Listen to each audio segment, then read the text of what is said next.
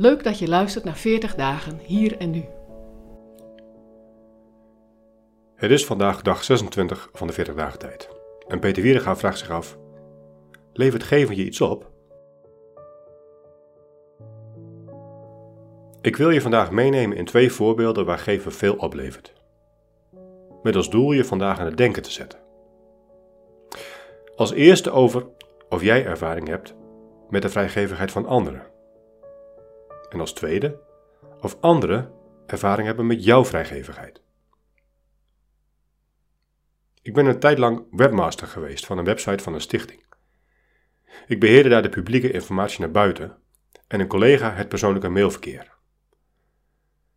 Na een update aan de site zag ik opeens al die, niet voor mij bestemde, persoonlijke mails. Ongezonde nieuwsgierigheid maakte dat ik niets herstelde, maar wekenlang meelas.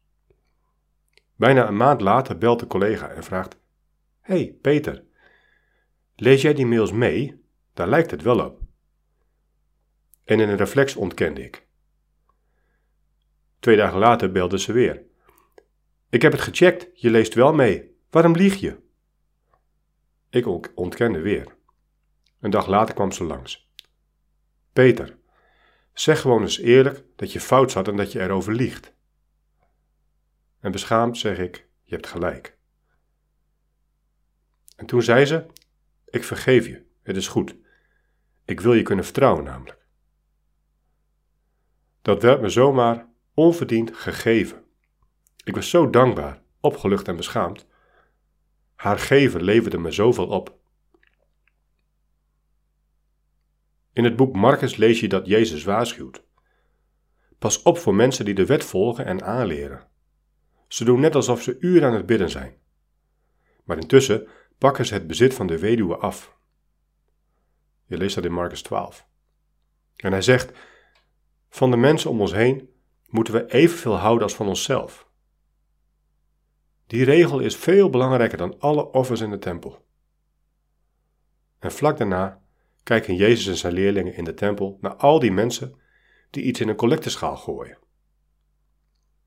De grote gevers komen er goed af, lijkt het.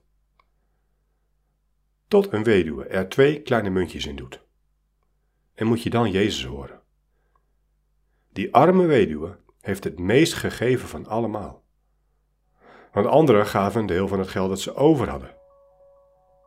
Deze vrouw gaf geld dat ze niet kon missen. Ze gaf alles waarvan ze moest leven.